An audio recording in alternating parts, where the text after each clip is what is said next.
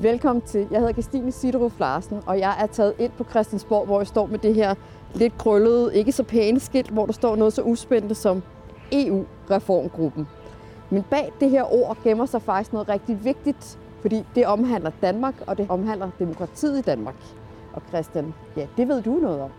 Ja, om EU, det, det må man jo sige, det gør jeg, ja. Lige præcis, så jeg har allieret mig med dig, fordi vi skal dykke lidt ned i det her EU-reformgruppen, og hvad ja. det egentlig omhandler. Spændende. Men først, øh, først og fremmest skal vi ikke lige gå ind for, fordi det er lidt køligt herude. Det synes jeg er god idé. Den 2. oktober 1972 stemte et flertal af danskerne ja til dansk medlemskab af EF. Tre måneder senere, den 1. januar 1973, blev Danmark officielt medlem af de europæiske fællesskaber, EF, eller den europæiske union, EU, som det europæiske samarbejde kaldes i dag.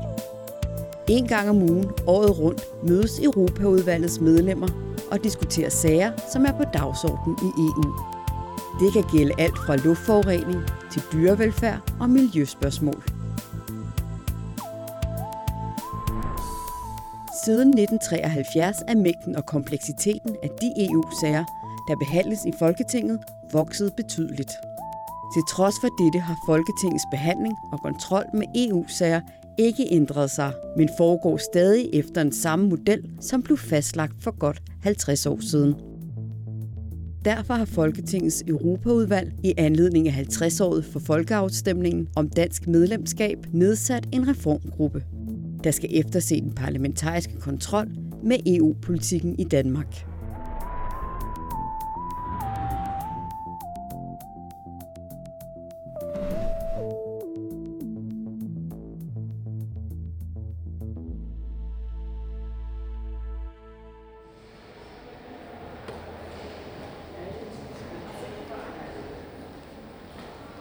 Nå, skal vi lige prøve at sætte os ned og lige finde ud af lidt mere om det der EU-reformgruppe? Det synes jeg er en god idé, Christine. Ja. EU-reformgruppen, ikke? Ja. Umiddelbart ikke. Det ord, det lyder ikke særlig spændende, tænker man. Nej, der er nok mange danskere, der vil tænke, det lyder lidt tørt og kedeligt. og det er det måske også. Men det handler om noget vigtigt. Det handler om, hvordan Folketinget kan få mere indflydelse på beslutningerne i EU. Okay. Og øh, det, de arbejder med i reformgruppen, det er at finde ud af, hvordan Folketinget i højere grad tidligere kan komme ind i beslutningsprocessen og få mere indflydelse på de beslutninger, som har så stor betydning for Danmark. EU-reformgruppen består af en række fremtrædende politikere og erhvervspersoner, der alle har et særligt kendskab til EU. I samarbejde med fagpersoner, interesseorganisationer og partiledere skal de sammen komme med en række anbefalinger til, hvordan EU-sager skal behandles i Folketinget fremover.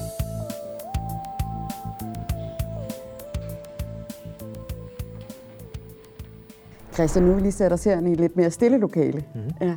Fordi jeg kunne godt tænke mig at vide lidt, hvad EU egentlig er for en størrelse. Altså, jeg har jo taget nogle ting med, som man kender jo nogle markader, for eksempel. Ja. Der er sådan en, der hedder en EU-blomst. Der er noget med noget økologi, og der er jo, som man kender her, med noget, øh, hvad hedder det, energimærkning. Og, og CE-mærkning er der på den her og sådan noget. Men hvor meget indflydelse har egentlig øh, EU på, på vores hverdag? Jamen EU har jo stor indflydelse, som du viser her, så er det jo sådan noget som forbrugerbeskyttelse også, hvor at der er lovgivning fra EU's side, miljøområdet, men også transportområdet, nu også socialpolitikken, og der er på den måde rigtig mange politikområder, hvor EU har indflydelse. Og det går jo også ind og berører europæernes hverdag, sådan så når man står nede i supermarkedet, så sådan noget her kan også have betydning i forhold til, hvad EU har vedtaget af lovgivning. Men Christian, sådan helt lavpraktisk, ikke? Hvis nu at man sidder øh, EU, hvis nu vi skal finde ud af, hvordan man laver sådan en flaske her, ja, miljørigtig eller give det her markat, den har.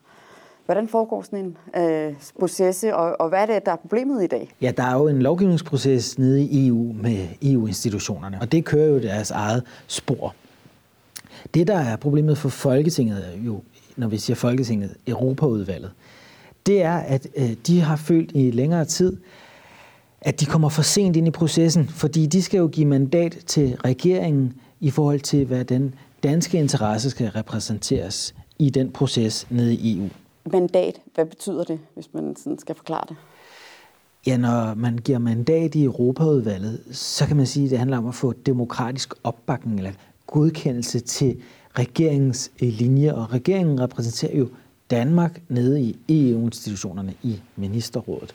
Så det er vores stemme ind i den politiske beslutningsproces, der er nede i Bruxelles. Selvfølgelig har vi så også de danske medlemmer af Europaparlamentet, men de sidder jo også i nogle europæiske partigrupper. Så det Folketinget ønsker, det er på en måde at komme ind tidligere i beslutningsprocessen nede i Bruxelles og få indflydelse i den periode, hvor man er i gang med at finde ud af, hvordan lovforslagene skal formuleres. Altså der, hvor det i virkeligheden foregår hele det politiske arbejde, og ikke til sidst i processen. Rigtig meget jo allerede ligger fast, og det er der, man skal give mandat til regeringen. Og der, der kunne man så ønske fra Folketingets side at komme tidligere ind i processen, finde en metode, en vej til at få indflydelse på lovgivningsprocessen nede i Bruxelles. Jeg synes, det lyder rigtig interessant. Lad os prøve at høre, hvad EU-reformgruppens medlemmer siger til det her. Lad os det. En helt afgørende faktor for indflydelse i EU er timing. Jo tidligere man kommer på banen, jo bedre er mulighederne for at påvirke indholdet. Udarbejdelsen af en EU-lov består af tre tidsintervaller. Den lovforberedende fase, beslutningsprocessen og så selve implementeringen af loven.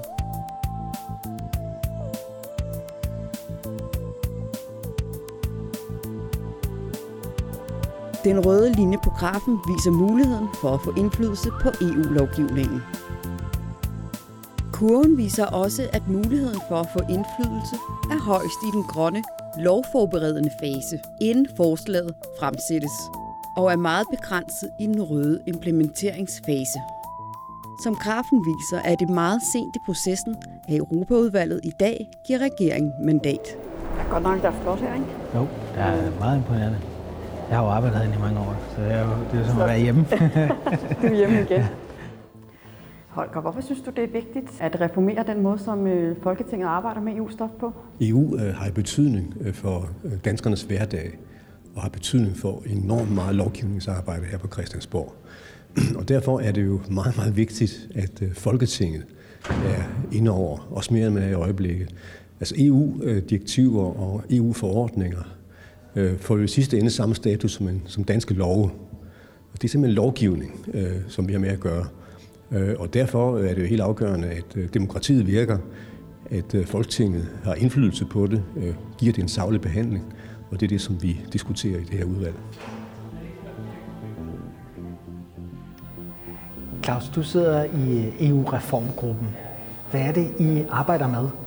Altså, øh, vi har jo en hovedopgave, der, der hedder at se på, øh, hvordan kan vi styrke Folketingets rolle, altså den politiske indflydelse i europapolitikken, fordi europapolitik øh, er jo noget, der præger mange af de politiske områder, og, og sagen i dag er, at øh, vi har jo en ordning, hvor Folketingets Europaudvalg på vegne af partierne giver et mandat til regeringen.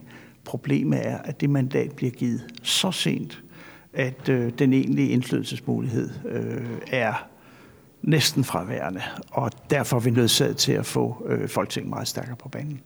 Så Folketinget skal tidligere på banen i EU-beslutningsprocessen? Tidligere på banen og også mere øh, detaljeret. Altså, øh, det er en gammel historie, at øh, engagementet fra fagudvalgene har været for lille. Altså, hvis man skal tænke på europapolitik, indholdsmæssigt er meget europapolitik jo øh, Øh, indrigspolitik, og derfor er det vigtigt, at Miljøudvalget, Beskæftigelsesudvalget osv. Øh, er inde over politikken, men samtidig også, at vi har, øh, hvis vi tænker på samarbejdsformen, så er EU jo øh, stadigvæk udenrigspolitik. Men, men, men udenrigspolitikken er jo her flyttet lidt væk fra, at det typisk kun er regeringen, der fører den, øh, og øh, der er Folketinget jo med ind over, blandt andet med mandatgivningen. Og der kan vi jo altså også kunne tage et hensyn til øh, det tværgående øh, på tværs af fagudvalg, altså og den europapolitiske vinkel.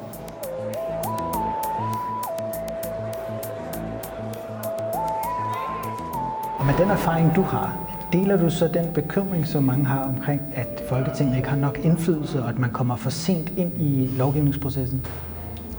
Det er jo det, som vi øh, sidder og arbejder med her i reformgruppen og kigger på, om der er nogle af de ting i de procedurer, som vi faktisk har kørt med siden 1972, nu i næsten 50 år, om der er noget af det, som der skal øh, justeres på. Dybest set kan man sige, at den måde, som vi for 50 år siden organiserede på, var revolutionerende, i, i det den danske regering allerede dengang sammen med Folketinget fastlagde forhandlingspositionerne inden beslutningerne i rådet. De fleste andre lande, også dengang, de lægger først deres politiske mandater fast, når beslutningerne i rådet er truffet. Så det giver en stor styrke for de danske forhandlere, øh, at man ved, hvor man har et flertal øh, bag sig i Danmark. Det er rigtigt, at øh, en af de ting, vi kigger på, det er, om Folketinget skal ind på et tidligere tidspunkt i forhandlingerne. Øh, men det forudsætter så også, at Folketingets medlemmer rent faktisk vil udnytte de muligheder, øh, de har og måske får.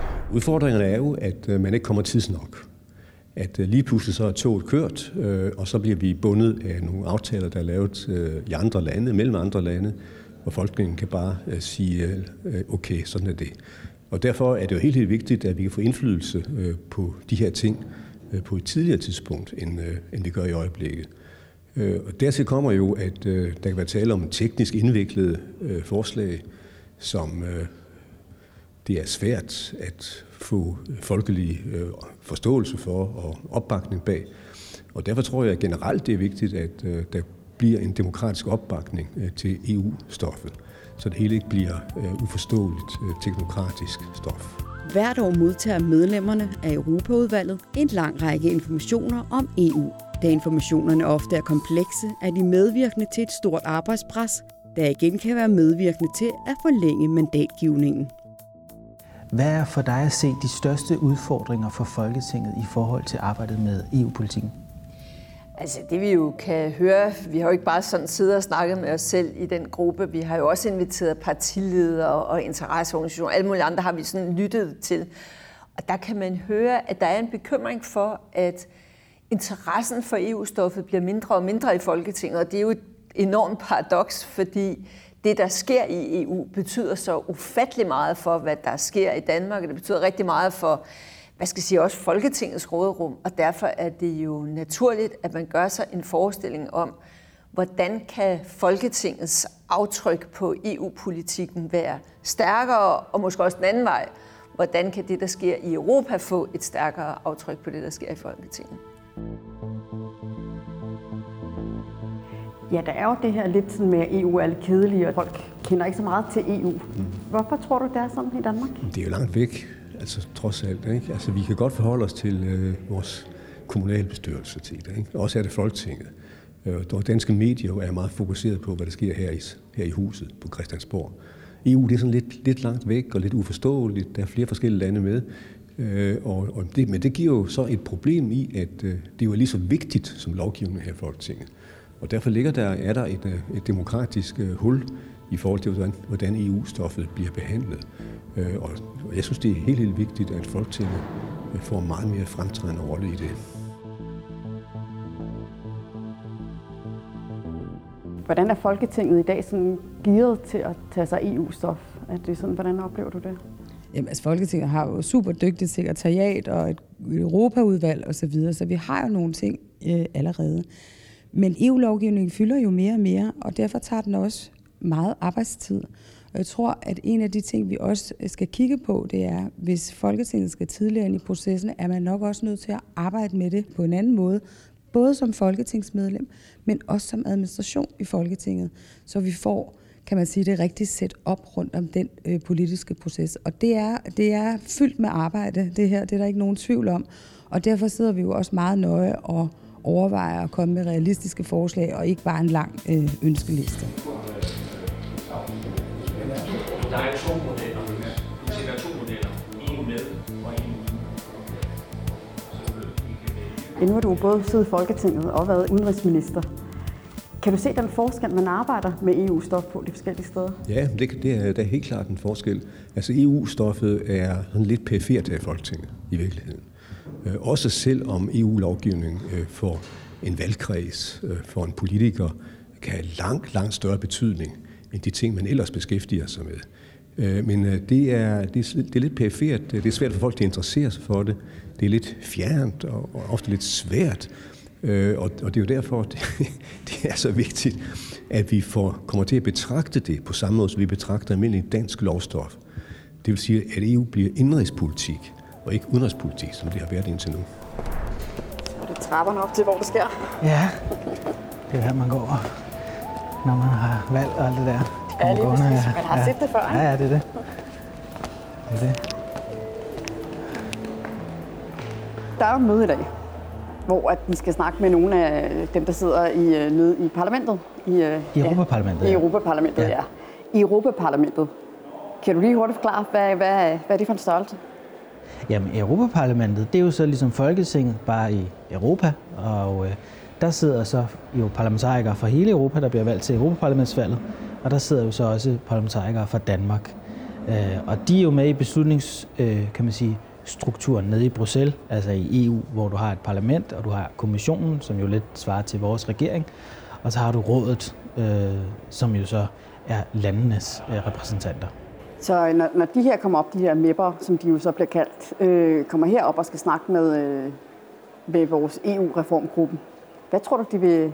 Eller det skal vi jo så også finde ud af, men, men har du nogen idé om, om, om hvordan de kan gå, hvilke input de kan komme med? Jeg tror, at de vil foreslå, at man også i højere grad, end man allerede gør, udnytter, at de sidder nede i parlamentet og samarbejder med dem om de mange lovforslag, som de arbejder med. Det kunne jeg forestille mig, men det gør man selvfølgelig allerede i et vist omfang. Øh, EU-parlamentarikerne kommer jo også i Folketinget med jævne mellemrum og har jo kontakt til deres folketingsgrupper øh, og også med Europaudvalget. Men det kan være, at de har nogle idéer til, hvordan man kan strukturere det eller intensivere det mere. Altså som være lidt mere på forkant på en eller anden måde. Ligesom. Mere på forkant øh, på flere områder. Danmark har haft en tradition for, at på de områder, der er, er helt særlig interesse for Danmark, for eksempel sådan noget som at beskytte det danske realkreditsystem, der går hele det danske system sammen for at prøve at beskytte vores interesser i EU. Øh, men det er jo på nogle meget få udvalgte sager. Måske vil man ønske i højere grad at få et bedre samarbejde på tværs af de forskellige øh, danske kan man sige, repræsentanter i EU-systemet øh, for tidligere at få indflydelse på lovgivningen. Okay, så øh, man kan jo sige, at nu har du sagt det før, men en helt opsummering, så er det jo, at vi gerne vil have noget mere indflydelse på EU. Det er ligesom, Det handler om, at især Folketinget gerne vil have noget mere indflydelse på den lovgivning, som de jo så stemmer ja og nej til. Det vil sige, at dem, der stemmer ja, vil nok gerne have lidt mere indflydelse på, hvad det så er, de stemmer ja til. ja, lige præcis. Det lyder helt vildt spændende, det her. Lad os øh, dykke lidt mere ned i det. God idé. Jeg ved ikke, det er, også, det er sjovt også med alle de der små, Ja, hvad hedder sådan noget, ja små slogans nærmest. Ja. Ja. Det, der er rundt omkring. Ja. med lov skal land bygges. Ja. Karen, du har jo lige været inde til møden herinde, og du sidder normalt nede i Europaparlamentet. Hvordan ser du, at øh, I kan være med til at forbedre den her øh, samarbejde, eller hvordan forbedre Folketingets arbejde med EU-stof?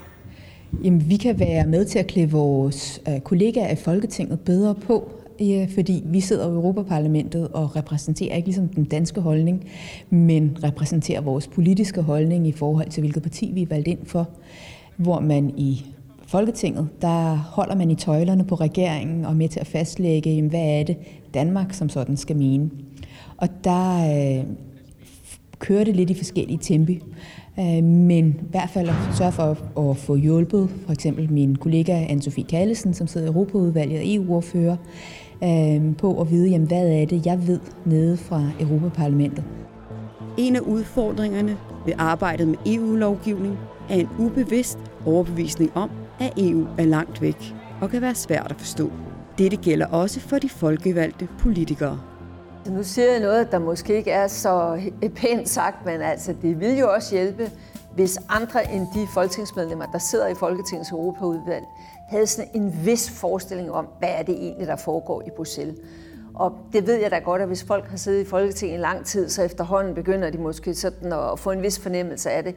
Men øh, jeg synes, det ville være en rigtig, rigtig fin idé, hvis øh, nyvalgte folketingsmedlemmer som en del af deres, hvad skal jeg sige, onboarding til Folketinget, at der var det også en del af det at komme igennem et eller andet forløb, hvor man forstår lidt mere af, hvordan er det, den der EU-maskine arbejder, hvordan er det nu med de der institutioner, for eksempel også kom til Bruxelles og, og sådan fik en forståelse for, at dansk politik bliver altså også til i et samspil med det, der foregår i det europæiske. Og, lidt mere sådan, altså nogle af os synes jo nok, at samtidig så er vinduerne lige tæt nok lukket i Danmark. Det ville måske være godt at få slået dem lidt op og forstå, at vi faktisk er en del af, af verden, og at vi kan præge den verden.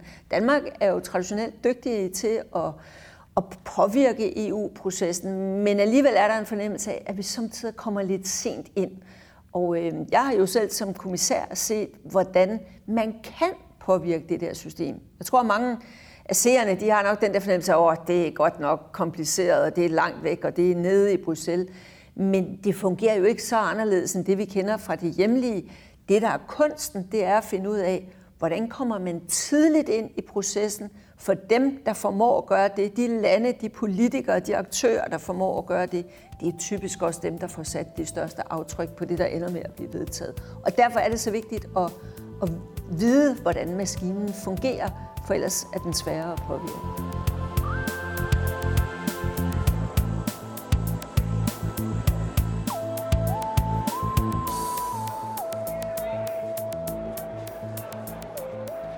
Det er jo også meget teknisk stof. Er der også nogle problemer med at formidle det her til Danmark?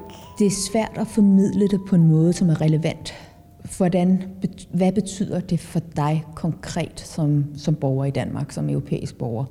Øh, sådan noget som de digitale covid-19-certifikater, sådan det europæiske coronapas. Det er sådan en dejlig konkret ting, som man kan gå ud og forklare folk.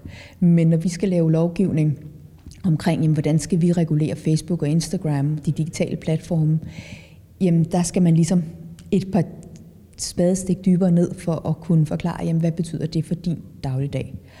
Og jeg har, plejer at have sådan, jeg ved ikke, om man må sige det her på tv, men øh, jeg har sådan en, en joke om, at øh, EU-lovgivning, bliver er sådan lidt ligesom tantra sex. Det er sådan virkelig, virkelig langstrukket, og du ved ikke helt, hvornår klimakset kommer, om det nogensinde kommer. Så hvornår er det, du skal gå ud og kommunikere tingene på det? Og det er det, som lidt er udfordringen på, på EU-lovgivningen.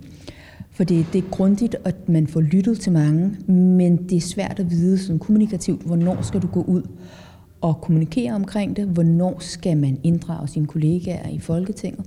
Og det er også derfor, jeg synes, det her arbejde med reformen af, hvordan Folketinget arbejder med EU-stof, er så vigtigt, sådan så at man kan få gjort alle de folketingsmedlemmer, der sidder ude i fagudvalgene, mere opmærksom på, jamen, hvad er det, der foregår nede i EU.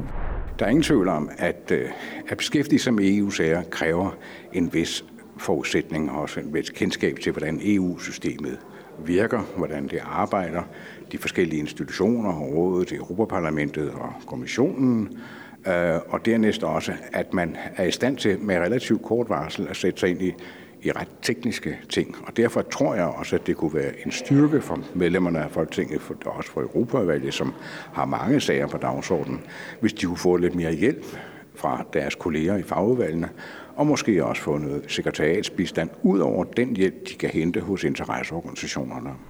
Mange af de andre lande er bedre til at være tidligere ude i lovgivningsprocessen i EU. Jeg har en række franske kollegaer, og der kan jeg virkelig mærke, at de bliver klædt på fra Paris øh, og man har en klar strategi fra Paris i forhold til, hvilke udvalg skal de gerne have rapportørs ordfører på i parlamentet, hvornår er det, at sagerne skal være færdigforhandlet, sådan så det passer med franske valg og franske interesser. Og der mangler vi, øh, der mangler vi sådan en interesse fra Slottholmen og fra regeringens side til at komme mere ind i øh, beslutningerne i EU. Det, som der også mangler, det er penge nok til at have nogle embedsmænd, som er ansat til at gøre det, og også, nu bliver det sådan meget langstrunget, men vi skal have nogle danskere, som kan flere sprog øh, ud over engelsk, og vi skal have mange flere danskere i EU-institutionerne, sådan så at vi får øh, en forståelse af, hvordan tingene fungerer i Danmark, med allerede, når lovgivningsforslagene kommer fra kommissionen. Og det, det kræver, at vi ligesom tænker langsigtet fra dansk side, og sørge for at få investeret i og uddanne og øh, give folk karrieremuligheder ved at springe frem og tilbage mellem EU-institutionerne og herhjemme, sådan så at vi får folk, som tør tage til Bruxelles og få en spændende karriere. Fordi det er vigtigt for danske interesser.